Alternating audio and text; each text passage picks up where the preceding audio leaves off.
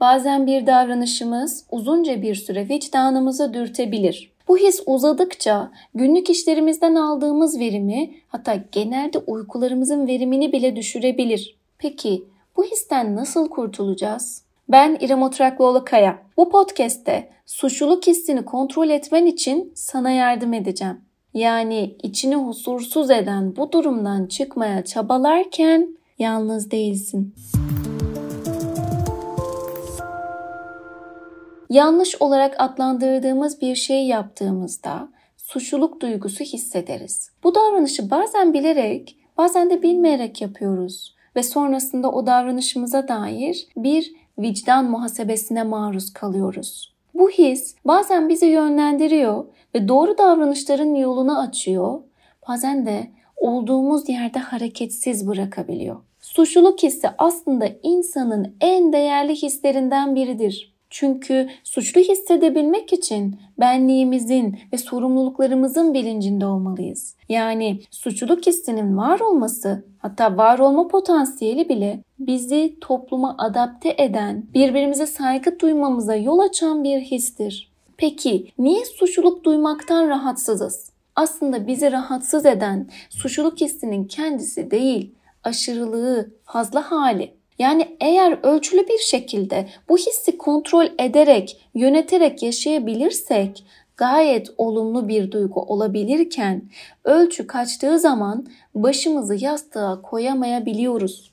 Kronik suçluluk hissinin altında yatan temel sebep özgüvensizlik olabilir. Hatta burada özgüvensizlik ve suçluluk hissi arasında karşılıklı bir sebep sonuç ilişkisinden de bahsetmek mümkün. Vicdan deyince de aklımıza ilk gelen o başını yastığa koyamamak ifadesinin de gerçeklik payı var. Çünkü aşırı suçluluk hissiyatı gerçekten de uykusuzluğa sebebiyet verebiliyor. Bunun yanında iştahın kesilmesi, odaklanamama, güç kaybı, yüz kızarması gibi bedensel etkiler, bilişsel etkiler de görebiliyoruz. Hatta ilerleyen durumlarda mide bulantısı ruhsal bozukluk olarak da depresyona bile yol açabiliyor. Bakın başlangıçta bizi doğruya yönlendirebileceğini vurguladığımız o his ölçüsünden yukarıya çıkınca nasıl da tehlikeli oldu. Peki bu aşırı suçluluk hissinden Nasıl kurtulacağız?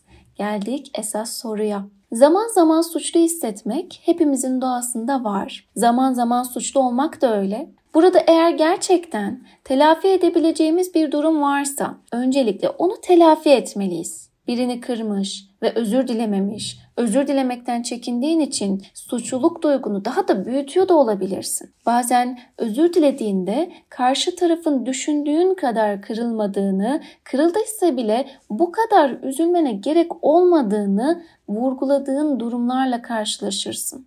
Bu yüzleşmelerden kaçıp kendini izole etmek sana zarar verecektir. Bu yüzden kaçma, yüzleş. Uygulamalı olarak yapman gereken telafiler gerçekleştiyse ve hala suçluluk hissinin aşırılığından, fazla halinden ve sıklığından kurtulamıyorsan yapman gerekenler var. Öncelikle hissimizi ve kendimizi iyi tanımalıyız. Kaçmıyoruz, yüzleşiyoruz, onu yakından tanıyoruz. Yani hangi durumlarda suçluluk hissederiz? Hadi bu soruları yanıtla. Sorular devam ediyor. Bu suçluluk ne derece olur? Bizi tam olarak hangi zamanlarda rahatsız eder? Bu gibi sorulara cevap bulmalıyız. Bu soruların cevabı o kadar önemli ki aslında bazen doğrudan çözüm bile olabiliyor. Bir başka önemli soruysa vicdanınızı kimin seslendirdiği. Bazen sürekli eleştirilen ve övgüden uzak bir yaşantıyla büyüyen insanlar suçlu olmadıkları durumlarda bile suçlu hissetmeye eğilimli olabiliyorlar. Böyle durumlarda onları sürekli eleştirenlerin sesinin ve perspektifinin kişinin vicdanı olarak görev aldığını görebiliriz. Fakat aslında suçlu hissedilen çoğu durumda suçlu arayışında bulunmak bile gereksiz olabiliyor. Elbette hiçbirimiz mükemmel değiliz. Suçlarımız olacak, hatalarımız, yanlışlarımız, kusurlarımız elbette olacak. Suçlu hissetmekte haklıysak bile mükemmel olmadığımızı kabul ederek bakış açımızı değiştirmeliyiz. Çünkü bu suçluluk hissini mükemmelliyetçi insanlarda daha fazla görüyoruz. Başkalarının onlardan beklemediği sorumlulukları kendilerine yüklerler ve yetişemedikleri zaman suçluluk hissiyle boğuşabilirler. Bakış açını değiştirmen gereken bir başka durumsa suçluluğu nasıl değerlendirdiğin. Bu duyguyu hissettiğin zaman kendini üzmek yerine bir sonraki sefer ne yapacağına karar verebilirsin. Mesela senden yardım isteyen birine yardım etmediysen ve bu sana suçlu hissettirdiyse bir sonrakinde yardım etmeyi dene. Suçluluğun seni durdurmasına değil, seni harekete geçirmesine izin ver. Bu podcast'te suçluluk hissini çözebilmek için onu tanımamız gerektiğinden, bu hissin dengesi sağlandığında oldukça yararlı olduğundan ve değiştirebileceğim bakış açılarından bahsettik. Beni dinlediğin için sana yürekten teşekkür ederim. Sonraki podcastlerimizde görüşmek ümidiyle hoşça kal, sevgi ve şefkatle kal.